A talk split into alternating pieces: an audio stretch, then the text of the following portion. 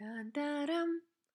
сәлем қымбатты тыңдарман бұл тамаша жыл подкасты және 91 бірінші эпизод бүгін бізде қонақта тоқтар әлімбеков ол шымкенттегі чаплес компаниялар желісінің негізін қалаған жас кәсіпкер uprojects әлеуметтік жобасының авторы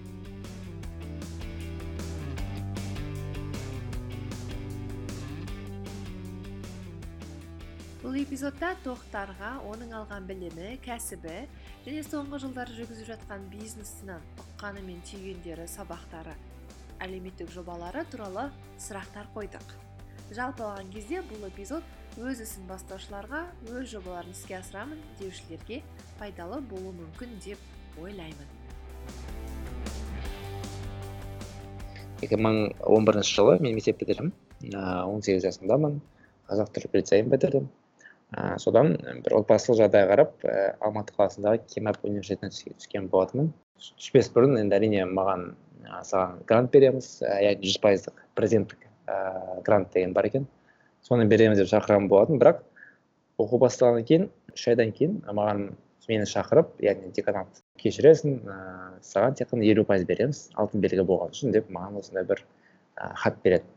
Ә, мен оған келіспеймін өйткені Ә, сонша он бір жыл бойы жақсы оқып сабақты осындайға дайындалып қазір ақша төлеп оқығаным ұят деп өзіме қабылдаған болатын және ата анамнан да ұялатын міне соған қарамастан ә, бір аптаның ішінде осы бір не яғни система дейік осы университетке ренжіп документтерімді жинап кетіп қалған болатын біріншіден бұл иә жеңіліс деп айтуға болады бірақ жеңілістің түбі бір үлкен өзгеріс күтіп тұр екен мені. Ыыы сөйтіп документтерімді алып америка, америкаға көшіп кеткен болатынмын. Жарты жыл жүрдім зерттеп кейін университетке түсіп дәл солай бір тағдыр шығар. Тура сол президенттік грант деген атаққа ие болып америка құрама штаттарында мичиган штатында орталық мичиган университетінің түлегі болдым. Қазақстанда да ақш та да білім алып көрген тоқтар екі елдің жоғарғы оқу орны жүйесін былай сипаттайды. Мәселен кемепте мысалы кемекке барған кезде бізде бірінші күннен бастап айтатын сабағыңды жақсы оқисың жақсы оқысаң ыыы биг фор деген компания бар яғни төрт үлкен аудиторский компаниялар. Міне соған жұмысқа тұрасыз жұмысқа тұрғаннан кейін ақша көп береді деп сөйтіп үйрететін мысалы. Ал америкада керісінше ыыы біреуге бір жерге жұмысқа тұрасың емес керісінше біреуге жұмыс бересің деп айтатын бірінші күннен бастап. Сіздер ұлы тұлғасыңдар сіздер ұлы кісілерсіздер. Ертең компания ашасыздар басқаларға жұмыс бересіздер деп бірінші күннен бастап үйретеді міне осы ең бірінші және ең басты айырмашылық деп ойлаймын. Одан кейін ол жерде көп көп практика мүмкіндіктері бар. Мысалы бірінші курстан бастап адамды тек қана яғни теория бере бермей сол теорияны тезірек практикаға айналдырып яғни адам жатталып қалатындай бір дәрежеге жеткізетін. Мұнан кейін тоқтар келесі бес жыл бойы жеке кәсіпкерлік экономика саласында білім алады. Сонымен бірге оқу кезінде? Канадаға бардым америкаға бардым мексикаға бардым ә, сингапурда оқыдым жарты жыл. Ә, сингапурдың қасындағы бирма таиланд малайзия индонезияға бардым ресейге бардым. Сөйтіп білім алып тәжірибе жинап ұзақ сапардан? Бакалавр деңгейін бітіріп шымкентке қайтқан кезде мен ыыы жалпы өзім білімді дұрыс дұрыс дұрыс түрде пайдаланайын деп ең бірінші модель бізде барбершоп болатын бұл ерлер шаштаразы. Осындай бір ә, заманауи ә, американың стилінде соғылған осындай бір бизнес модель. Егер білмей жатсаңыз барбершоп ол ер адамдардың шашы алынатын өзіндік стилі мен атмосферасы бар ерекше шаш тараз. Окей бұл айтпаса да түсінікті болған шығар бірақ мен сонда да айта салдым.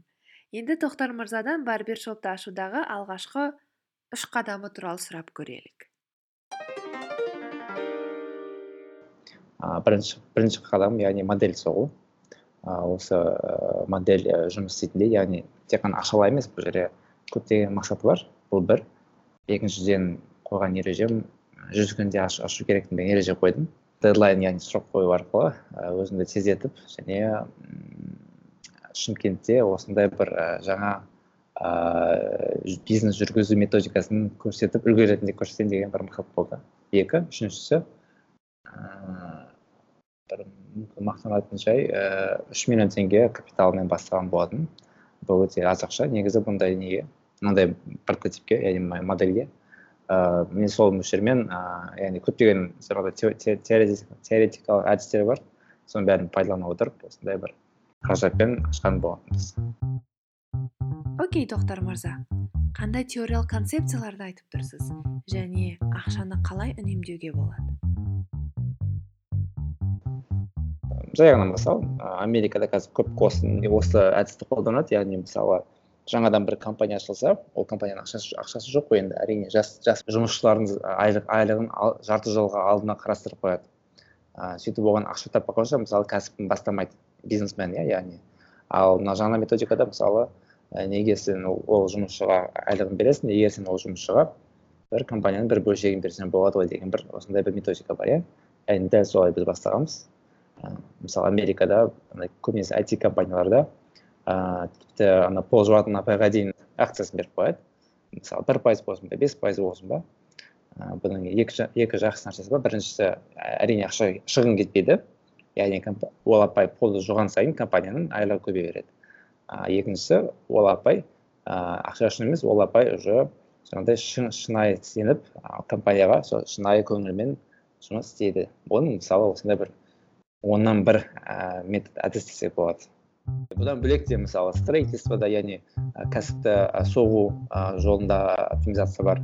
Мысалы рекламаның да өзінің көптеген түрлері бар. Яғни оған миллиондап ақша құюдың да қажеті жоқ. Баяғы классикалық әдіспен. Бұл жерде жаңа заманауи осындай бір жолдары бар.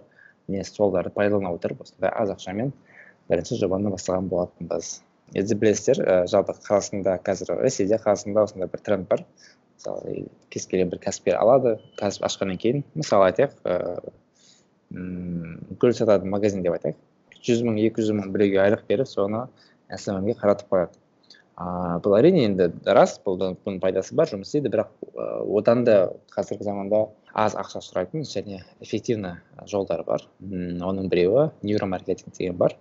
Яғни маркетингтің бұл бір түрі бір саласы. Ақш та қазір көптеген компаниялар қолданады. Оның бірі мысалы кока кола ол дегеніміз аз ақша мөлшермен ә, адамның ойында миында қалыптасатын ойларды түзету және өзің ә, компанияның продуктісін сол дұрыс жеткізу мақсатында істелінген бір жолдар. Егер шымкентте болсаңыздар ә, мира бейбітшілік көшесінде біздің бірінші точкамыз бар яғни чапманс барбершоп оның алдында ә, бізде төртте төрт метр үлкен жаңағы чаплин чарли чаплин мырзаның бейнесі тұр яғни беті басы. Граффити салып қойғанбыз үлкен. Ол бүкіл көшеге көрінеді. Міне осы арқылы адамдардың көңілін аударамыз.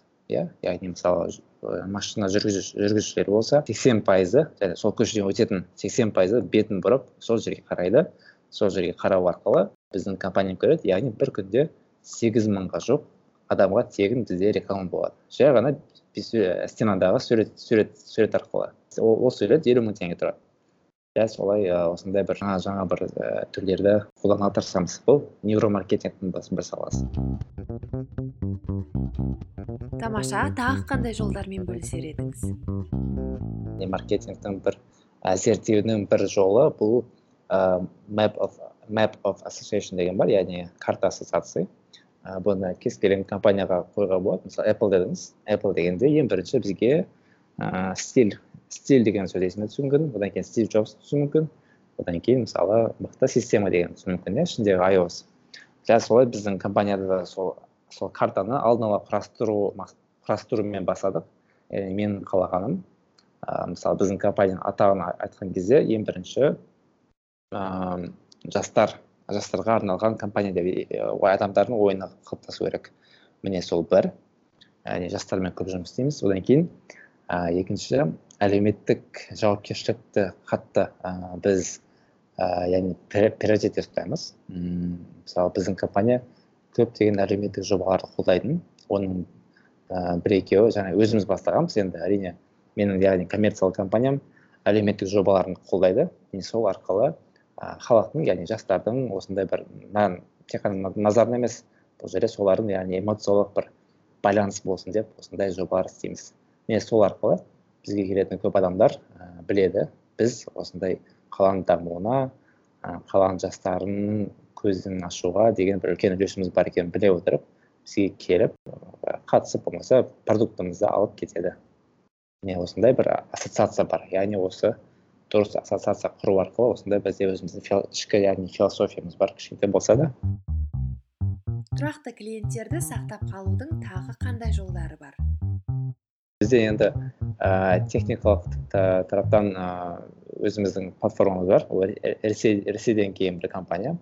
Біз соны пайдаланамыз. Сол жерде бізде ә, яғни программа ә, crm программа ол өзі реттеп өзі тұрақты тұрақты клиенттерді бізге көрсетіп отырады. Ыыы сол кісілерге біз арнайы сыйлықтар арнайы жаңағыдай жеңілдіктер көрсете отырып осындай бір орысша айтқанда лояльность дейді. Соны білдіріп отырамыз. Команданың жұмысын қалай үйлестіресіз? Мысалы мен өзімнің функцияларым бар компанияда ә, кейде өзім мысалы барып пол жуу мүмкін мысалы сол сияқты. Ә, әркімнің өзінің функциясы болғаннан кейін бәрі тең бұл біріншісі. Екіншісі біздің ә, жұмысшыларымыздың біздің әлеуметтік жобаларға қатыстыру арқылы сондай бір шынайы ә, идея шынайы мақсаттарды қолдап отырып жұмыс істейміз яғни әр адам біледі. Мысалы ә, шаш тараз алатын болсақ ә, шашып жатқан баланы біледі. Егер бір клиенттің шашын алса сол клиенттен түскен ақшаның бір белгілі бір мөлшері осындай бір әлеуметтік жобаға баратынын сезеді. Сол арқылы осындай бір қуана және игі мақсатпен істеп жатқанын біледі. Міне сол нәрсе көптеген мотив, көп мотивация береді. Және командный дух дейді ғой. Соны құрастыруға үлкен көмектеседі деген ойдамыз. Және соны іске асырудамыз. Жұмысқа алу барысында қандай қасиеттерге көбірек мән бересіз? Ыыы екі қасиет. Оны әркімге айтамын. Бұл жерде бірінші тәжірибе емес. Өйткені тәжірибені уақытысымен алуға болады үйретуге болады жетілдіруге болады. Ең біріншісі шынайылық. Яғни біз әр келген адамға компанияның яғни ішкі мақсаттарын айтамыз. Біз қайда бара жатқанымызды жарты жылдан кейін қандай болатынымызды айтып сол мақсатқа шынайы сену керек деп бірінші осыны талап етеміз. Екіншісі орысша айтқанда добросовестность дейді ешкімді алдамай бір бірімізді алдамайық одан кейін клиенттерге де алдамай ә, бірінші мақсат ақша емес мақсат жаңағыдай идеяны қойып компанияның мақсаттарын қойып жұмыс істеу деп қоямыз. Осы екі талап. Біраз жұмыс істегеннен кейін адамдарды кәдімгі танитын боласың кішкене. Ыыы адаммен бір сөйлескен кезде көп нәрсесін тануға болады. Белгілі бір сұрақтар бар. Ыыы жаңағы психология тұрғыдан қарағанда ыыы тануға болады. Енді әрине риск болады әрине оны уақытысымен жұмыс бастағаннан кейін қарауға болады. Бірақ егер адам кішкене кішкене ғана талпыныс көрсетсе кез келген адамды өзгертуге болады деген бір ой бар. Сенеміз жұмысқа алу оңай бірақ жұмыстан шығару ол екінші нәрсе. Мхм. Өзің ең алғаш рет жұмыстан адамды шығарған кезіңіз нені басылып қалдыңыз? Иә ол әлі есімде. Ыыы бізде ана пол тұратын апайымыз бар еді. Үлкен кісі енді менің жасым жиырма екіде. Сол кезде ііі шығарған кезде қатты қиналған болатынмын яғни шығармас бұрын бір сағат сөйлесіп сондай бір бауырмашыл болып қалдық шығарған кезде. Әйтеуір өзі өзі өзі айтатындай жағдайға келіп ііі сондайға дейін күткен болатынмын. Бірақ тікелей айта алмадым өйткені кішкене жаңағы ұялатынмын одан кейін ыыы жалғыз дейді ғой орысша сондай бір не пайда тиіп ііі ойыма ой келіп ыыы әйтеуір қиналып шығарған болатын есімде ал қазір енді автоматты түрде ыыы өзім болмасам біреулер арқылы айтқызып яғни көмекшілерім арқылы айтқызып тез тез ауыстырып компанияның жаңағы эффективностін құлатпайық деп сондай тез тез жұмыс істеудеміз қазір қатыгез болудың да қажеті жоқ бірақ әрине ііі кәсіп болғаннан кейін приоритеті тек қана ақша емес тек қана үлкен мақсаттар емес. Әрине қоғамға бір пайда тигізу деген не болып тұру керек деп ойлаймын. Сонда да оны да ескере отыру керек. Қоғамға пайда тигу керек және осы экономиканы жүргізетін біздер ғой енді кәсіпкерлер ғой. Соны да ескеру керек деген ойдамын.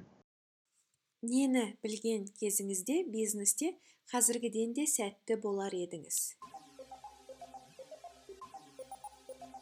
Біріншісі адамдармен жұмыс істеу деп ойлаймын. Адамдармен сөйлескен кезде келіскен кезде және талдау деп айтайын ба болмаса бір қазіргі бар тәжірибеміз сол кезде болған кезде адамдармен жұмыс істеу тарапынан мүмкін одан да жақсы болар еді деп ойлаймын. әлде жұмысшылармен ба а жұмысшылар жұмысшылар.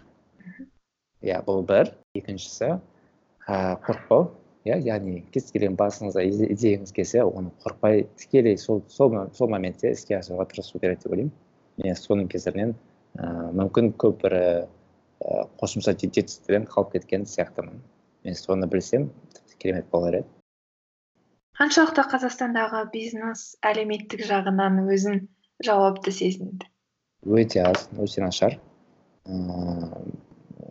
Үлкен кісілер енді яғни бізден бізден жоғары поколение олар ә, білесіздер ә, қиын қиын заманда көтерді кәсіптерін ә, дамытты. Соған орай олар мысалы бір артық, ақша шығарып артық көңіл бөліп ә, сыртқа яғни жан жағына қарауға деген көмектесуге деген бір мақсаттар қоя алмайды. Мүлдем. Бұл енді олар кінәлауға да болмайды. Заман сондай болды. Ал қазір жаста жас кәсіпкерлер ә, әрине шүкір көптеген жастарымыз шетелде оқып болмаса басқа қалаларда оқып бизнестің мақсаты тек қана ақшада емес бизнестің мақсаты яғни кәсіптің мақсаты дейік ыыы әлеуметке ә, пайда тигізу иә? Өзінің айналасына әлеуметке сол сияқты. Сондай адамдар бар бірақ көп емес. Дәл қазіргі мақсатым осындай бір ыыы сондай адамдарды үйретіп ііі және біздің қатарға қосып ыыы сондай жобалармен айналыссын деген нәрсеге яғни итерудеміз көмектесудеміз. Кәсіптің алғашқы және ең басты мақсаты бұл адамның яғни қоғамның бір проблемасын шешу, шешу деп айтып үйрететін бізге күніге айтатын. Е дәл солай ыыы егер сіз мысалы бір қайырымдылық жасасаңыз мысалы бизнесіңіздің бір мүмкін жетімдер үйіне бір нәрсе істесеңіздер бұл батылдық деп есептеледі және осыны қатты қолдаймын. Және әр әр адам әр көшбасшы әр бизнестің жаңағы басшысы ә, жүректі болу керек деп ойлаймын. Ыыы бұны абайдың қателеспесем он төртінші сөзінде айтылған ыыы жүректілікті ұмытпайық. Жүректі болсаң жұртты егер деп айтатын. Дәл солай бизнеске де лайықты деп ойлаймын тоқтар шымкентте бизнес құрумен қатар әлеуметтік жобамен нақтырақ айтқанда әлеуметтік жобалардың комплексімен айналысып жүр бір астаналық бала болсын алматылық бала отырған кезде мен шымкенттікпін деген кезде бір сені бір бір қадам төмен ұстайтын ә, әзір болуы мүмкін мүмкін шынайы болуы мүмкін бірақ сонда да адамға бір кедергі болып тұрады иә яғни бізге шымкенттіктерге ә, соны басында түсінбейтінмін кейін ойландым қалай бұны өзгертуге болады иә? Яғни бұл енді әзіл ретінде айтамыз бірақ сонда да шын деп айтуға болады. Мысалы білесіздер америкада қара қара нәсілдері бар қара нәсілді кісілер ақтарға қара бір дискриминация бар ғой. Дәл солай бізде қазақстанда шымкенттерге шымкенттіктерге қарсы бір ой бар деп ойлаймын. Яғни стереотип қалыптасқан. Ыыы міне сол стереотипті сындыру яғни өзгерту мақсатында алдын ала екі жыл бойы айтып кеттім ғой дайындалған болатынмын білесіздер жақында ғана біз шымкентте жұмыс жасағанымызға үш жыл үш жыл болды. Әлеуметтік жобаларымызды кентті дамытып осындай бір жақсы деңгейге көтергеннен кейін қазір басқа қалаларға шыға бастадық. Жақында атырау қаласында үлкен біздің жобамызды енгізген болатынбыз. Шынымен де шымкенттіктер туралы стереотиптердің қашан пайда болғаны неге пайда болғаны қызық. Ғалымдар тарихшылар қоғамды зерттеушілер ол туралы не айтады екен? Тоқтар мырза қонаевтың кітабында да шымкенттіктер туралы қызықты әңгіменің бар екендігі туралы айтады. Бірақ шынайы пайда болу себептері бізге беймәлім. Мүмкін сіз білетін боларсыз. Қонаевтың кітабында өзі өте қатты күлген жерім бар. Соның кітабында да бір бір жерінде ә, шымкенттіктер туралы жазып кеткен орысша сұрақ қоятын яғни қалай жұмыс болды қалай жұмыс болып жатқан кезде ешкім яғни қол көтермей қорыққаннан ә, брежнев болу керек алпысыншы жылдары. Ә, осы оңтүстік оңтүстік өңірге келген болатын. Ә, келген кезде үлкен жиналыста тек қана жалғыз бір бала көтереді қолын. Ол шымкенттік шымкенттік болады екен. Сөйтіп шымкенттік сол кісіге қазақша жауап беріп айқайлап осындай бір жауап қайтарған болатын. Енді дәл солай мүмкін сол кезден бастап шығар осындай бір. Тоқтардың әлеуметтік жобалары да осы дінмұхаммед атамыздың кітабынан бастау алған. Жобалардың шығу тарихы негізі сол кісіге негізделеді. Ә, неге десеңіздер ол кісі ә, ашаршылық кезінде яғни отыз үшінші жылдары ыыы қателеспесем студент болатын кездер еді. Ол кісілер москвада оқыған. Міне сол москвадан келіп сол проблемаларды көре отырып олар ыыы студенттер достарымен жиналып осындай хаттар жазып отыратын билікке. Неге мысалы осындай болып жатыр неге басқаша басқалай шешпеске деген сияқты проблеманы. Ә, сол кездегі яғни жастардың белсенділігіне қараған кезде бізге қарап ыыы кәдімгідей бір жылағың келетін иә. Яғни білесіздер бізде ііі түк қызықпайды. Жастар саясатқа өз өзін дамытуға болмаса еліне қалаңа қаласына бір пайда тигізу деген ой болмайтын. Не тура солай. Ыыы жобаның бәрінің құрылған негізі осы. Яғни бір жас азаматтың ыыы қаласына деген пайдасын қалай тигізу деген мақсатында. Яғни мен жобамның атын білесіздер ю projects яғни оның қазақшасы сен деген жоба. Сен екі нүкте. Яғни сен ол өз өзіңе жауап сен өз өзіңнің өміріңе жауаптысың яғни өзің қалаңына жауаптысың дамуына. Сол сияқты сен саяхатта сен жаса сен көмектес деп осындай жоба атаулар бар. Дәл солай жеті тарауымыз бар. Бұл туризм бұл мәдениет ә, бұл жаңағы білім саласы қаланың қауіпсіздік саласы ә, қайырымдылық саласы дәл солай. Осы жеті салада адам егер қатысса яғни біздің жобаларға қатысса айналып қатысып шықса сонда біздің есеп бойынша сол адам өзінің қаласын сүйе отырмай өзінің жаңағы отанын сүйеді одан кейін қаласын сүйеді одан кейін өз өзін сүйіп өз өзінің қадірін біліп өз өзінің күшін біліп ыыы осындай қалада жұмыс істеп дамуына ә, үлкен үлесін қосады деген бір осындай бір алгоритм бар. Міне осы алгоритм арқылы осындай көптеген жобалар енгізіп отырмыз. Өйткені тағы да айта кетейін бұл жобалар жай ғана бір андай келіп кететін бір жоба емес. Болмаса бір қайырымдылық дейміз жаңағыдай. Жетімдерге футболка киімді апарып беріп оған суретке түсу емес бұл жерде ыыы бұл жерде ағылшынша айтқан кезде behavioral science деген бар. Яғни ә, адамның іс қылығын зерттейтін бір ә, ғылымның саласы. Не осы саланың ә, бір несін пайдаланамыз. Яғни адамның орысша айтқанда поведенческая модель деген бар. Қала тұрғынының соны қалай өзгертеміз және қалай дұрыс жолға саламыз деген бір осындай бір ә, әдістерді қолданамыз жобалар арқылы. Негізі менің басты мақсатым осындай әр, әр қалаға ііі енгізе алатындай бір ііі бір жоба болу керек деп ойлайтынмын. Ыыы сөйтіп мысалы шымкентте қазір і шыны керек бір ыыы жартысынан енді асқан шығармыз. Елу пайызынан енді асқан шығармыз. Өйткені біздің қаражатымыз нөл теңге. Ыыы бізде ешқандай мемлекеттік мемлекет қаржыланбайды ешқандай кәсіпкер қолданбайды. Бізде тек коммерциялық компаниялар қолдайды. Сол үшін даму ыыы жаңағы прогрессі өте аз және өте жай болып жатыр. Бірақ шымкент қаласында елу еседен асты деп айтсақ болады. Әр әр тараудың өзінің бір кезеңі бар. Яғни біреуі болмай екіншісі болмайды деген сияқты. Біздің ең бірінші тарауымыз бұл мәдениет традицияға айналып жастар келуде. Одан кейін жайлап сол жастарды үлкен үлкен жобаларға ары қарай келесі тұрған тарауларға шақырып қатыстырамыз. Дәл солай жеті тарауымызды құдай қаласа бәрін енгізіп қала, қала тұрғындарының адами капиталының дамуына үлкен үлес қосамыз деген бір ниеттеміз. Жаңағы бір жобамыздың бір мақсаты яғни әрине кішкентай ғана бір жоба бұл. Біздікі бұл бүкіл халықтың бүкіл қала тұрғындарымыздың көңілін аудару аударуына күш жетпеуі мүмкін. Осындай мультипликативті эффект дейміз яғни social эффект. Осы ә, әдіске негізделіп ә, сондай сеніммен істеп жатырмыз. Яғни бізде осындай бір қазақи бір вариант бар. Яғни ә, көп адам айтады неге сендер тек қана андай ә, көзі ашық зиялы жастар жинап аласыңдар ал қалған жастарға неге жандарын ашмайды дейді бізге көп адам сондай бір яғни кінәлайды бізді. Бұл біріншіден ә, жаңағыдай барлығын қамту бізден қолымыздан келмейді. Екіншіден өзіміздің методикамыз бар. Яғни ә, білсеңіздер әулиетте ә, қазақтың бір үлкен әулетінде отбасында бір жиырмаға жуық ә, туысқан бар. Ә, ол туысқандардың ішінен ә, бір адам бар яғни бір жас бала осындай көзі оқыған тоқыған және сол адамды үлгі ретінде ұстайды. Және қалған туысқандары сол адамның артынан ере бастайды. Яғни балалары достары дәл солай егер біз осы әрбір отбасы әрбір әулеттен бір бір адамнан өзіміздің артымыздан тартып берсе яғни біздің артымыздан ерсе қалғандары да арттарынан жүреді деген бір сенім бар. Міне сол сенімге негізделіп осындай жобалар істеп жатырмыз. Жобаларды қаржы өзіміздің коммерциялық проектілер арқылы қаржыландырамыз деп иә?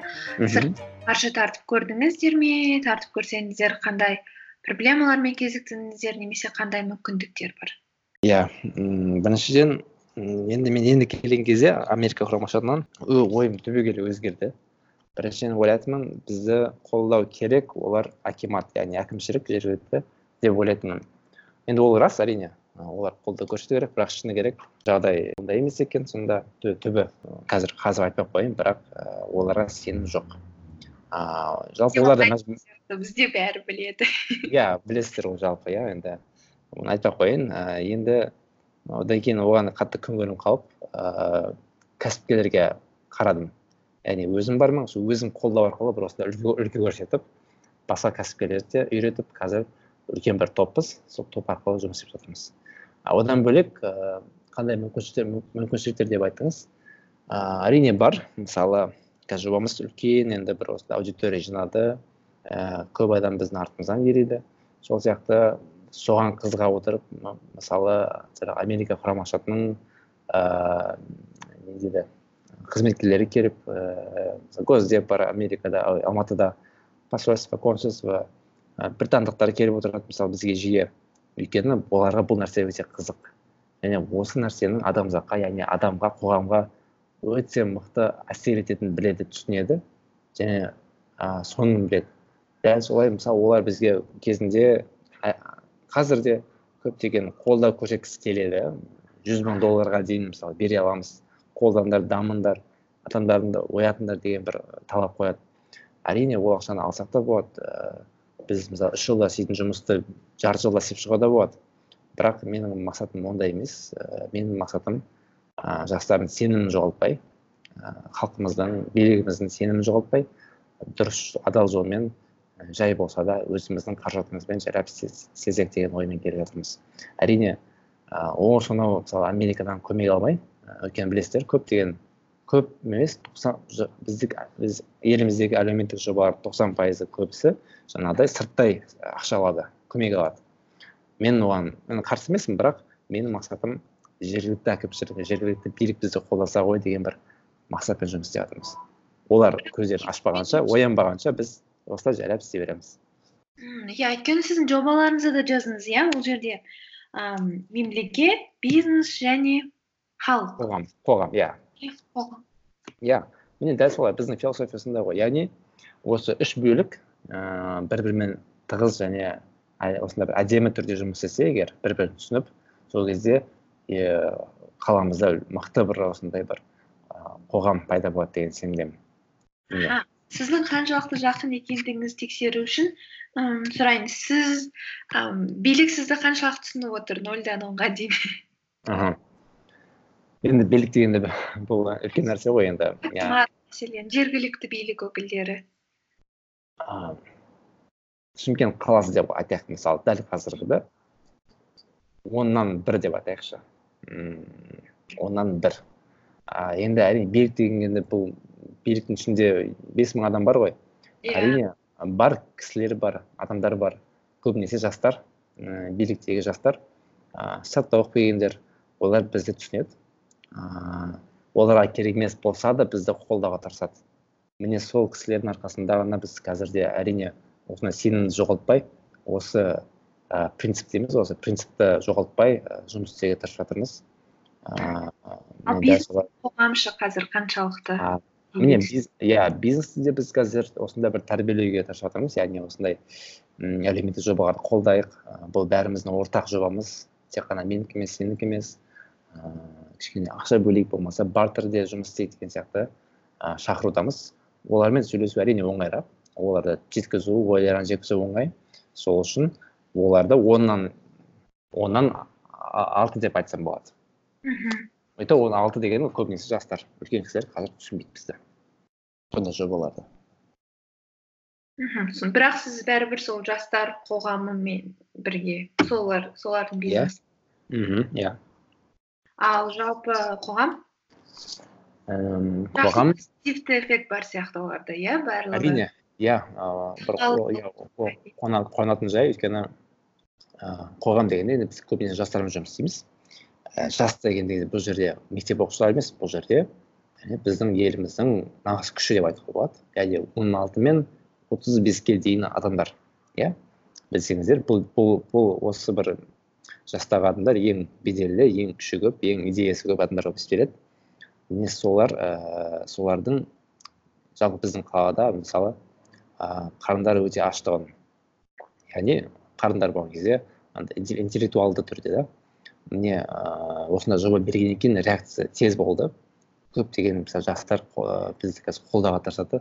Келіп тіпті есігіміздің алдында тұрып қашан істейсіздер? Қашан біз барамыз? деген сияқты бізді тыныштық бермей қазір бәріміз бірге істеп жатырмыз топырлап міне осындай реакция болып жатыр ыыы сондықтан қоғам өзгеріске дайын қоғам өсуге дайын қоғам дамуға дайын ыыы дәл солай мені мысалы ыыы бұның жұмыстың бәрі тегін ғой. Мен ешқандай да бұған ақша алмаймын мені күні түні ұйықтатпай ыыы тыныштық таппай осы жұмыс істеп жатқанымның себептерінің бірі қоғам өздері сұрап жатыр.